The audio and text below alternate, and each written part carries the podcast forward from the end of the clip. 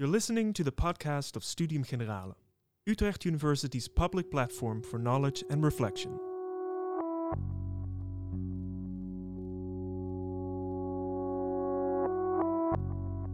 From Snapchat to Instagram stories, the videos and pictures we post online tell a story about who we are. How do these new forms of self expression relate to older ones, such as diaries or memories? Have social media changed the way we see ourselves? Listen to Anna Poletti, literary scholar at Utrecht University.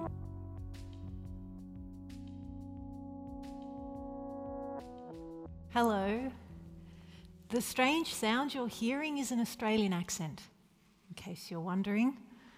Um, it's not as wide as it used to be. Five years in the Netherlands has flattened out my Australian sounds, uh, but they can still creep in. And the more excited I get, the more Australian I sound. So let's see how that progresses. It's really nice to see you here. Um, it's wonderful, I think, to be out, don't, don't you think, after two years inside, looking at each other on screens? One of the things I'm going to be talking to you about tonight is our relationship with screens. But I think also one of the things that the pandemic has taught us is that we're actually in the world uh, more than we realized. I think a lot before the pandemic, people were talking to us or talking about us as though we lived largely on our screens. And I think what the pandemic showed us is that the screen is important and our phones are important, uh, but also being able to take a walk with more than one other person uh, is also important. Being able to sit in a park. Does anyone remember any of the students from Utrecht remember when they were clearing us out of the parks uh, at 10 p.m.? They were breaking us up if we were in uh, groups of more than four, four people. And I think what's happened over the last two years has reminded us um, that our digital lives and our analog lives are actually interconnected. We're not just living online. So, I'm here to talk to you about my area of expertise, which is life writing. And I want to talk to you a little bit or help you think a little bit differently about how the media that we use to document our lives, the things that are happening to us, and the media that we use to communicate with people who are important to us shape our relationship to time, but also to who we think we are and how that sense of who we are develops over time. So, I'm going to talk to you about five things. I study life writing, so I'm going to talk to you a little bit about what life writing is and what kind of area of research it is.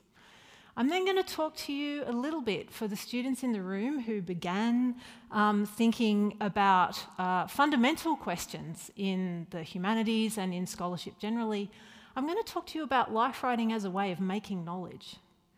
And this is actually quite important also for our thinking about how we use media to think about our lives. So I'm going to talk to you briefly about why talking about ourselves and talking about our experiences is actually a recognized form of knowledge production, which I think is interesting for us to keep in mind. I'm then going to talk to you about my own obsession slash interest in the intersection between identity, thinking about who we are, talking to others about who we are, and forms of media. This is my area of research. And I'm really interested in thinking about the interplay between digital technology and analog technology. So, my fundamental commitment um, is that we don't just live online, as I told you at the beginning when I was reflecting on the pandemic. I'm very interested in us thinking about media and life writing as both analog and a digital practice. So, I want to talk to you about why I think thinking about media is important when we're talking about life writing. I'm then going to get to the point, don't worry, Niels, it will happen, where I'm going to talk to you about life writing and time. And I'm going to give you two ways of thinking about time from literary studies. One is to think about our relationship to time as being about the stories that we tell, and how storytelling, narrative, is a way of organizing time. But then I'm going to ask you to think with me and think along with contemporary scholars who are also recognizing that something is happening to the way we think about ourselves that is different to narrative. And I thought it was really interesting um, when Niels asked you what your media usage is, that most of the media that we're using are not narrative media. You're not writing letters anymore. Is anyone writing emails? Passionate long emails? Oh, good. Okay. So there are still a few people committed to longer forms. But one of the things that we're studying right now in the humanities and the social sciences is what's actually happening to our relationship to lived time because of the way digital media is with us always. And it's changing the way we communicate with each other, but it's also changing how we are present to each other, how we connect with each other. So I'm going to talk to you about the idea of being in time, or what we think of as co presence. And then I'm going to suggest that one of the things we're seeing the longer we've been using digital media is that we're moving from an idea of getting a grip on time to actually learning to let go of time. And that one of the shifts we're seeing in social media platforms is a move to a kind of ephemeral use of messaging and of other services. And I'm going to suggest to you that that tells us something important about our relationship to time. So let's get started. Life writing as a field of study is, I think, of course I do, quite an interesting and fun field of study because we're interested in everything from everyday uses of media, the diaries of women who went to school in a boarding school in 1923 all the way through to the most canonical forms of literature. So, life writing studies doesn't just study artistic autobiographies and visual art by renowned artists. We're also interested in everyday uses of media. We're interested in how everyday people are engaged creatively in reflecting on and documenting their own experiences. So, one way of thinking about what life writing studies is all the way from WhatsApp via hip hop to Knausgaard. We're interested in everything from the everyday to the highly influential and to the kind of epoch changing forms of life writing. And what this means is that we're interested not just in what artists can tell us about identity, but also what everyday people are doing with their identities, what everyday people are doing when they reflect on their lives. And our basic assumption is everyone's thinking about themselves. Everyone is at some point wanting to tell someone else about something that happened to them, and everyone is engaged in some form of self reflection. So, life writing is a very broad term that refers to all kinds of cultural production and the fundamental focus of life writing is anything that is non fictional. But non fictional is a very anglophone term. And you would know this because many of you are Europeans. And in traditions such as French literature, but also in Dutch literature, we see traditions like autofiction, where authors write about real people, but they're writing about them in a novel. And this is something we're also interested in life writing studies. So, one way of thinking about what life writing studies excludes is anything where the people are invented. But if it's an artistic work that in any way draws on the lived experience of a real historical person, then life writing studies is interested in it. And what that means is that we're interested in things like biopics biofiction, as told to stories, journalism, as well as memoir, autobiography, autofiction, diaries, postcards, reality, reality television, and other places where real life is recorded, edited, and presented. And the other distinction I'd like you to keep in mind when you're thinking about what I'm talking with you tonight about is that there's two different kinds of audiences for life writing. So, life writing is sometimes presented to a group of strangers. It's the kind of, if you like, unlocked social media feed where anyone can come along. And actually, for example, on Instagram, where the goal is to have strangers engaging with someone's photographs and stories about their lived experience. So, this is kind of public facing life writing. But there's also a form of life writing and many forms of life writing that are focused on private relationships, on intimate relationships. And we're very interested in life writing studies in studying both kinds, but also in thinking about how those two kinds of audiences cross over. So, we're very interested in studying how sometimes people write very intimate sounding work for a bunch of strangers. But also how social media can sometimes encourage people to treat the people that they love as though they're their fans. So it's not that these two different kinds of audiences are static, we're also interested in how ideas about audience are shifting. So, as I said, our basic assumption is not that we're all narcissists, right? But that everyone is in, involved in some kind of self reflection. Everyone is reflecting on, documenting, and creating a narrative about who they are and what's happening to them. And we draw in life writing studies on insights from a wide range of disciplines that demonstrate that this is actually the case. So, life writing studies draws on insights from the social sciences, from psychology, from cognitive science, philosophy, as well as from cultural studies to think about just how important and fundamental it is that we're thinking about ourselves and we're able to communicate to others this is who I am. So, one way of recognizing, if you like, the ubiquity, the everywhereness of life writing is to recognize just how many places in everyday life we are required to give an account of ourselves, to be able to say, Hi, I'm Anna, I'm Australian. How many basic interactions are dependent on us being able to know who we are and tell somebody else who we are? And trade some kind of information about ourselves. So, we tell stories to develop and maintain intimate relationships. And this is one of the most enjoyable things about making new friends, right? Is all those hours you spend telling stories to each other where you learn something new about your friend.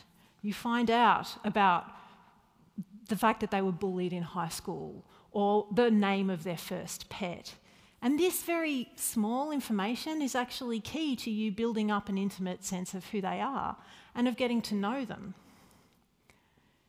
But we also tell stories, very highly crafted stories, about our experiences, our achievements, and our personalities in order to get jobs. So it's not just that we have to craft a story about who we are to get that person to like us, but also, a job interview is a form of life writing. When we sit there and we get that horrible question, What are your weaknesses?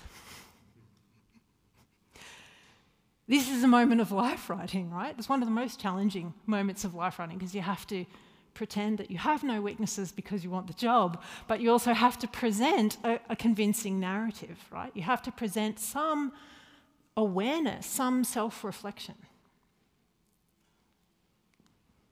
We also tell stories about who we are when we're joining new communities or when we're welcoming new people into our communities. So, what we know from a range of studies is that life writing is really important for social cohesion at the group level.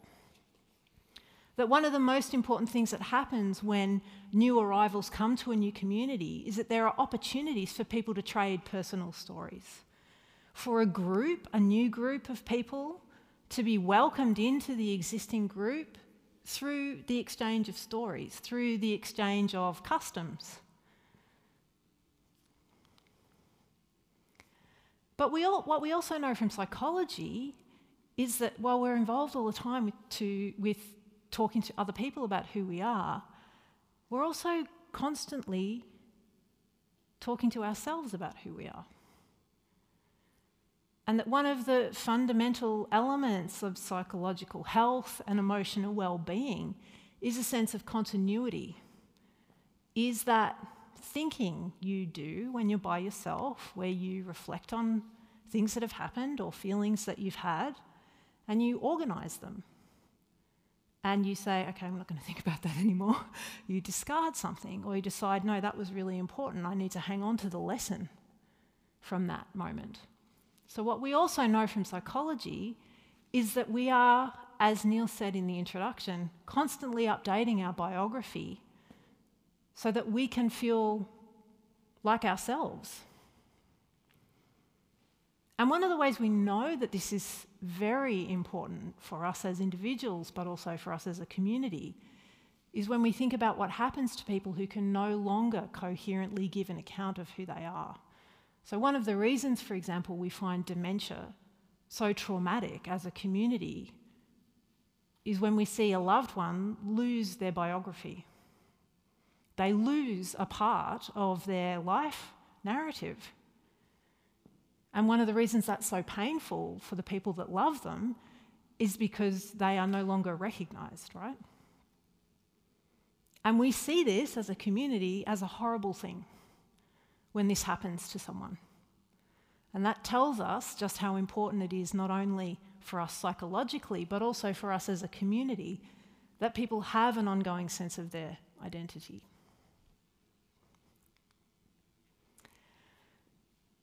So, life writing is an internal process that gives us a sense of cohesion, that allows us to integrate our experiences into an ongoing story and an ongoing sense of who we are.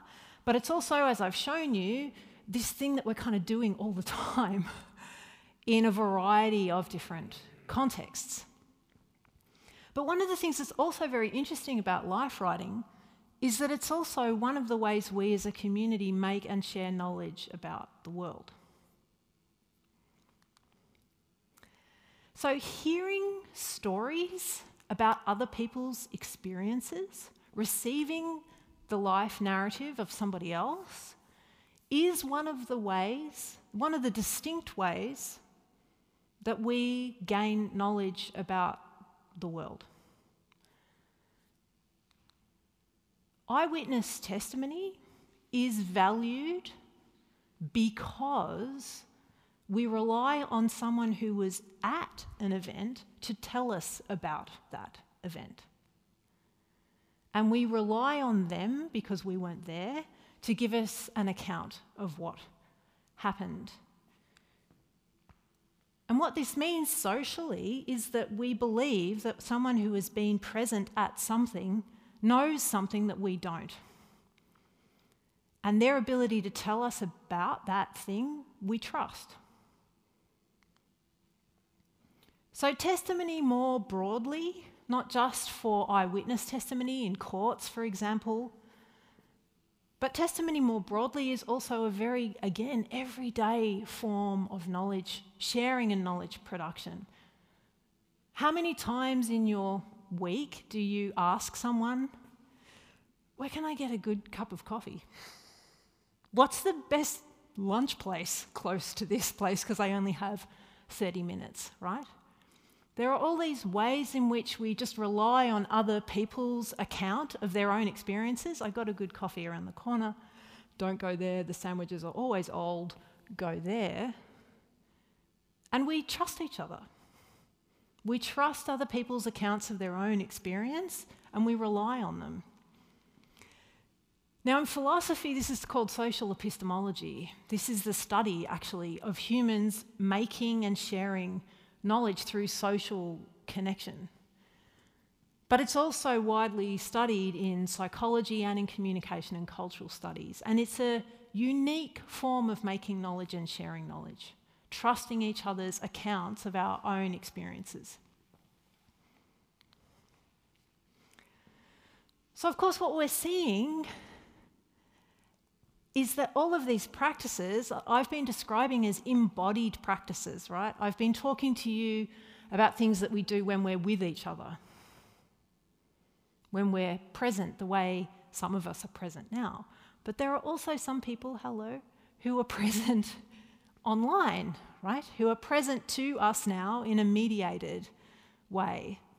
And one of the things I'm really interested in is what happens to these practices that have been long standing in human cultures now that they're being filtered more and more through media. So, what I study, what I research, is what happens to our reliance on all these different uses of life writing and our sense of ourselves and self reflection now that media is becoming more and more central to our day to day existence.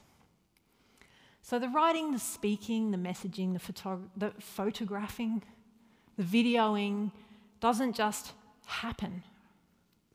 I'm interested in how it happens, why it is we are tempted to take photographs at certain moments, why we don't photograph others, but also what's happening to our sense of who we are as essentially our telephones, but also other forms of media become a daily part of our lives. They're no longer a thing that we choose to do, they're a thing we do. And in the humanities, we're always very interested in studying something the minute it becomes invisible. So, the minute something just becomes a kind of habit and an assumed practice and feels normal in a cultural context, the humanities scholars get interested because that's the moment we realize that something has been socialized to such a degree that it's become part of what we do without us reflecting on it. So I'm very interested precisely in the, the, uh, the way in which media has become a kind of natural way to think about yourself through media.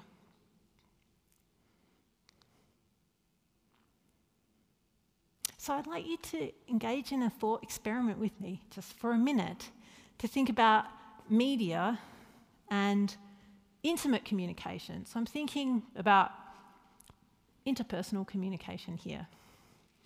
It's your birthday. Happy birthday. Gefeliciteerd. You wake up on your birthday.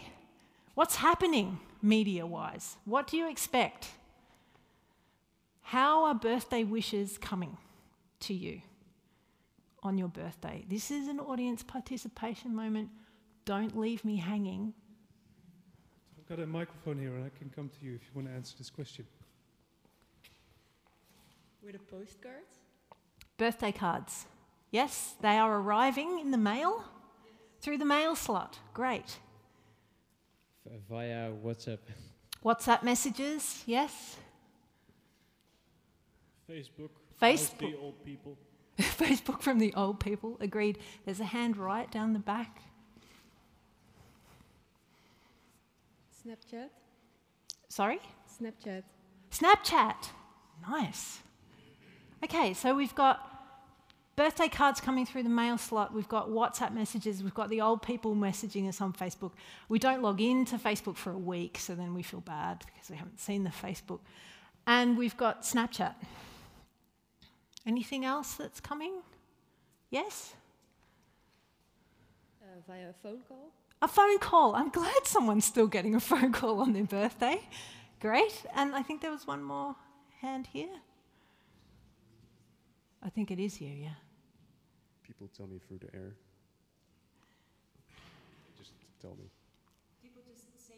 People just say it. So there's still face to face, so there's still actual humans. Great. Excellent. So this, yes, there's one more. Great, we're going now. With GIFs? GIFs? GIFs. Oh, good. How are the GIFs arriving? Do they come through a messaging service of some kind? Uh, on WhatsApp? On WhatsApp, yeah. Nice. Good, I'm glad that there's a GIF.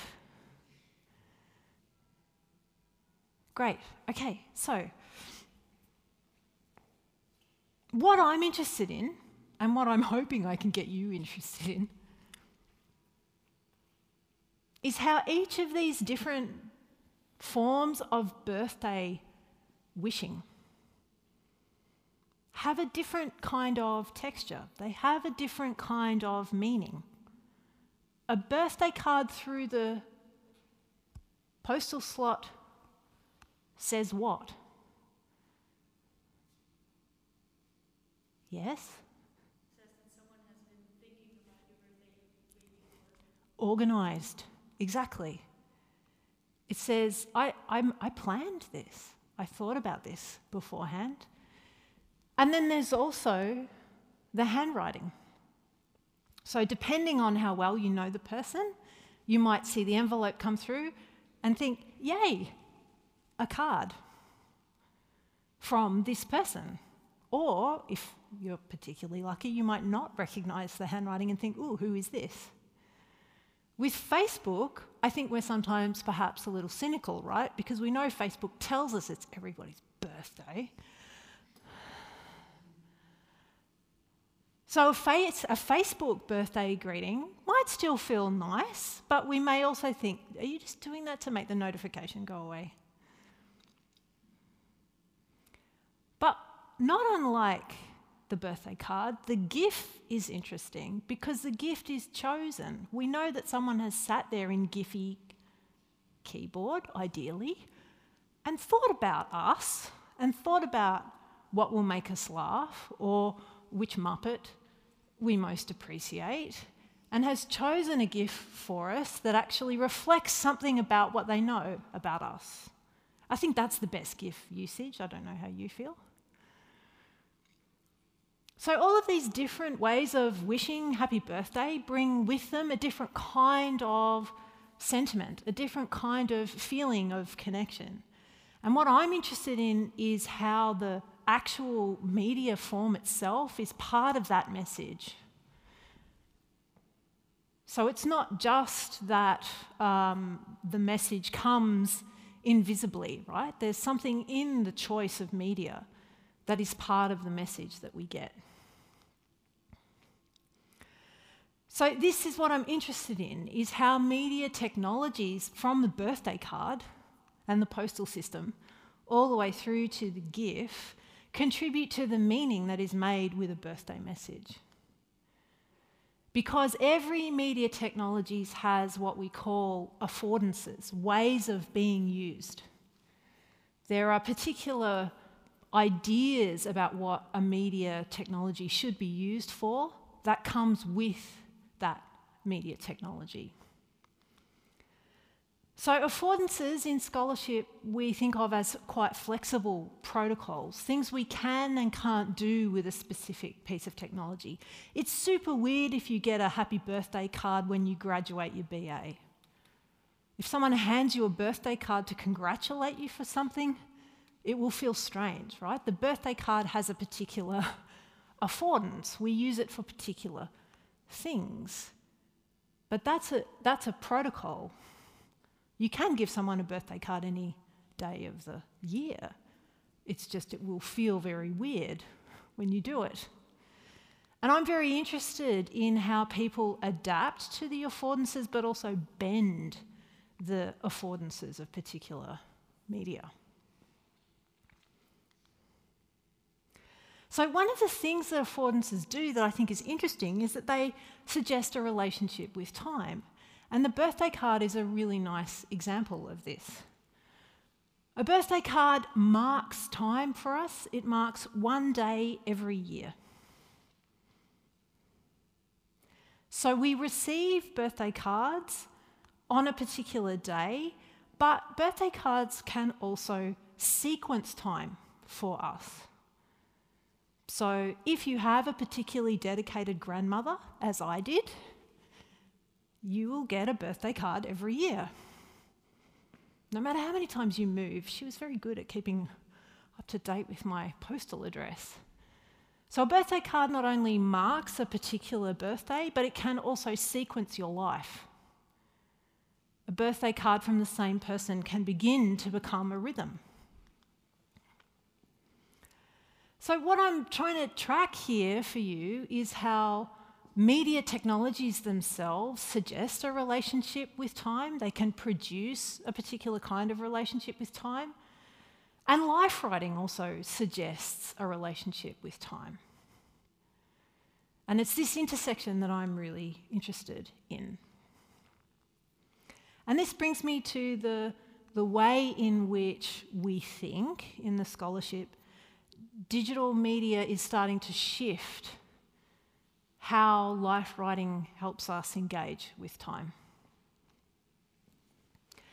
So, there are two relationships to time that we have through life writing.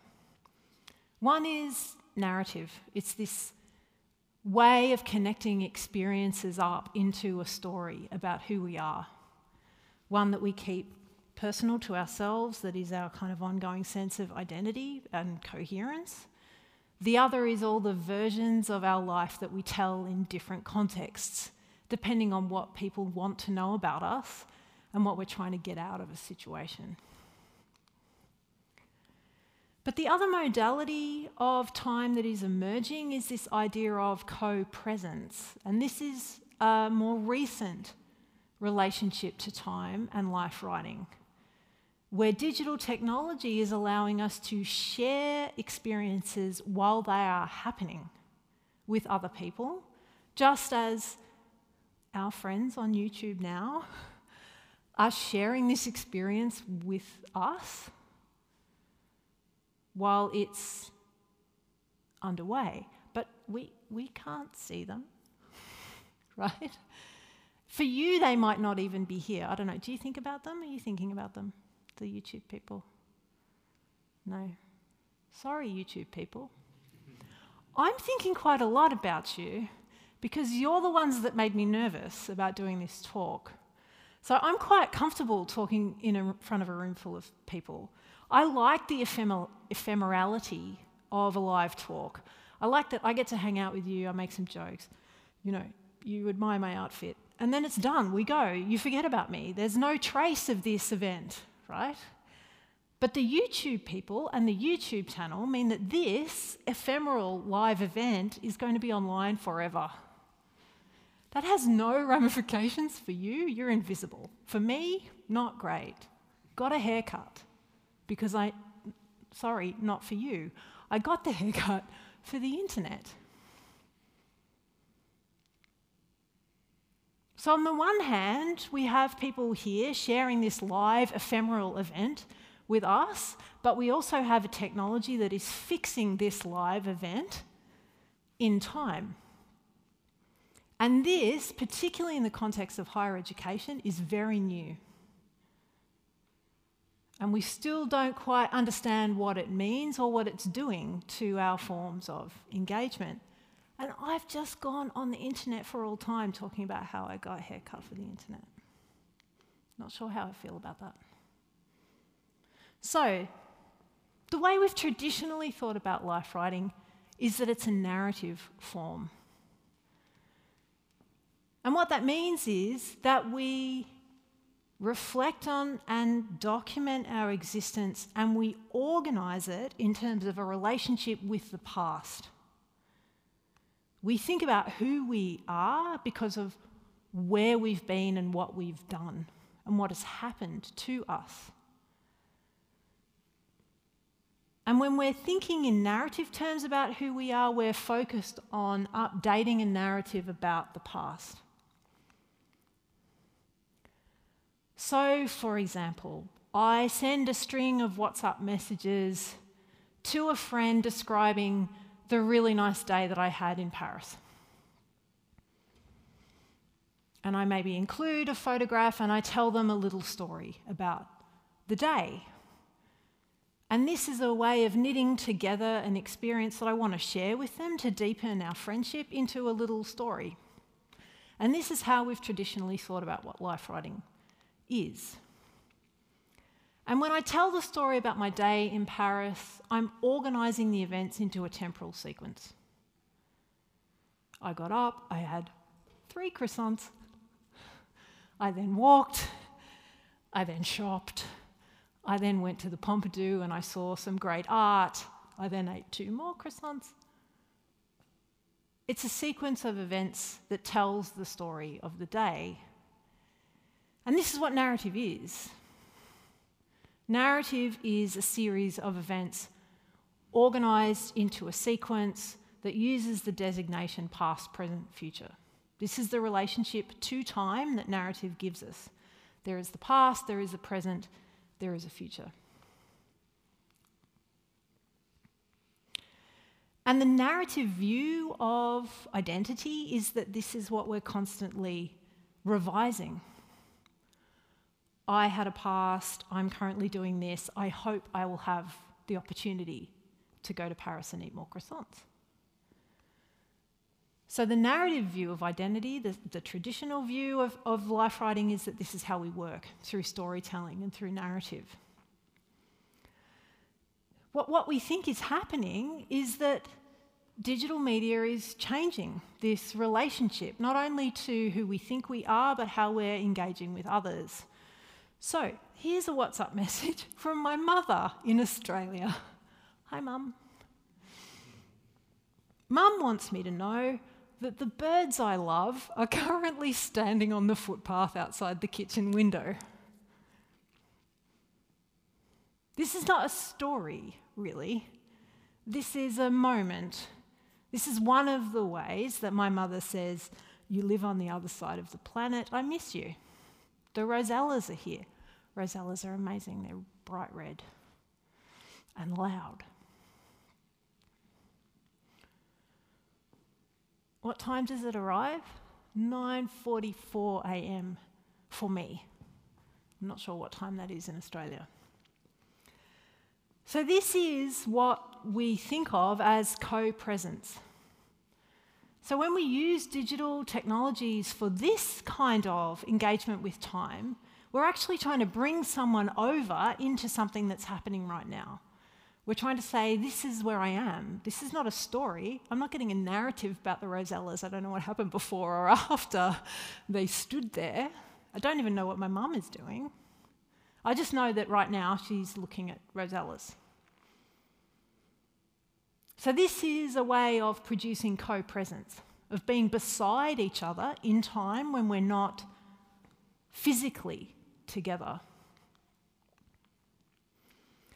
And this is the current research question across a range of disciplines that are interested in digital technology. We are trying to understand what digital co presence is. So, unfortunately, I can't tell you what it is. All I can tell you is we're thinking about that. We're studying that from a range of different perspectives and with a range of different case studies in mind. So I've deliberately chosen very calming, hopefully rather cheerful examples this evening. Partly because quite terrible things are happening in Europe at the moment, and a lot of the information that's coming to us about what's happening in Ukraine is through this digital co presence. And just today, there was a news item published that warned people to be careful of viewing social media posts about the war. Because being exposed to direct footage from a war zone can be very upsetting.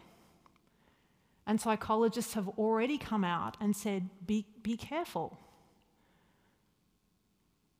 And this is one of the things that we're interested about with co-presence is how we can be drawn into a temporal location with people we are not close to and what results from that. What feelings come from that? What meaning comes from that?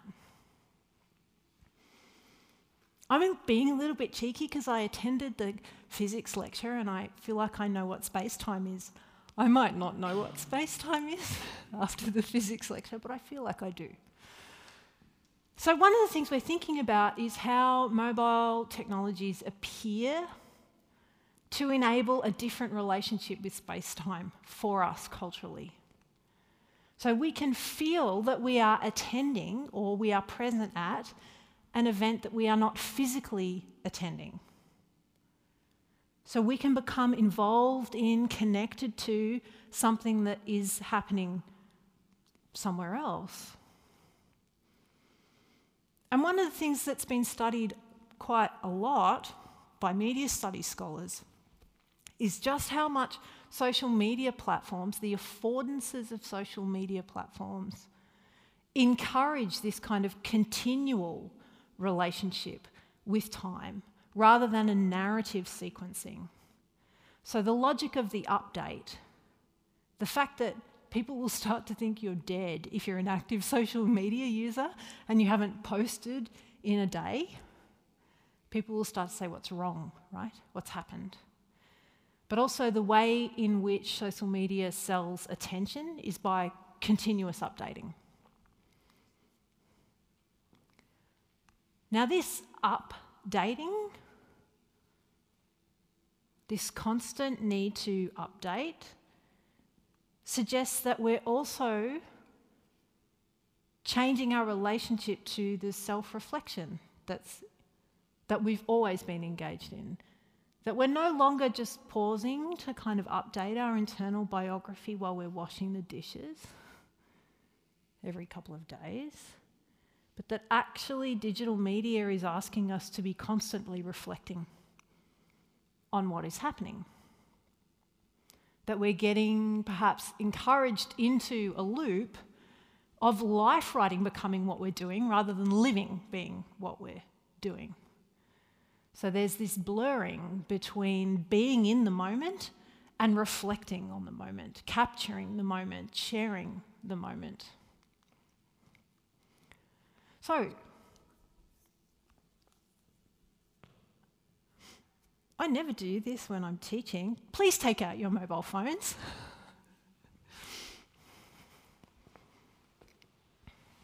I would just like you, I'm not going to ask you to share any information, right? This is totally private. I would just like you to open your phone and open the camera app and just look at, at, at, at your photo reel. Look at the photos. And I'd just like you to observe what you photograph. And also think about how many of these photographs are photographs that you took to then send to somebody, to app to someone? So, how many of these photographs were in the service of co presence? So, what does all of this have to do with having a grip on time or getting a grip on time? The kind of the, the overarching story I've been telling you is that we think we're moving away from a kind of narrative relationship to time to a more co present relationship to time in many of our forms of communication. And that media technologies, particularly digital media technology, is enabling a specific relationship with time where fleeting, ephemeral, everyday experiences like Rosella's landing on the footpath have changed from being moments that just slip by to becoming moments that we feel we should capture and share. And that also we want to share that experience immediately. We don't want to share it later that day. We want to say, the birds are here now. I'm wearing this now. Look at my coffee before I drink it. And that we're drawing other people into our time, into a moment with us at the time. And this increases, considerably increases, the frequency with which we are documenting and reflecting on what's happening to us. So we're moving perhaps into a relationship with time that is more uh, split we are both in the moment and capturing and sharing the moment at the same time. And therefore, every moment becomes a potentially shareable moment. Now, this is interesting, but one of the things that we're concerned about from a scholarly perspective is that no one can remember everything. That actually good stories, but also sanity, depends on being able to forget things, depends on being able to edit things out. So there is a concern, not just that narrative is shifting, but also what narrative allows us to do, which is edit, is getting eroded. But I think this is one of the reasons why we've seen the technology companies moving to ephemeral affordances, to elements inside technology where stories disappear after 24 hours. I think WhatsApp has this setting now, right, where you can set messages to just go away, which I think is great for everyone that's dating, because we should all do that so we're not obsessively rereading texts from people from three weeks ago. But why do we not want to be obsessively reading texts from three weeks ago? Because we need also to let time flow. We actually need things to recede. We need things to be ephemeral. Otherwise, we will just be crushed under the weight of everything that's happening. So we cannot grip all time, all the time. And this is what we're interested in studying when we study life writing and digital media. And that's my closing statement. You've listened to the Studium Generale podcast. Do you want to hear more episodes?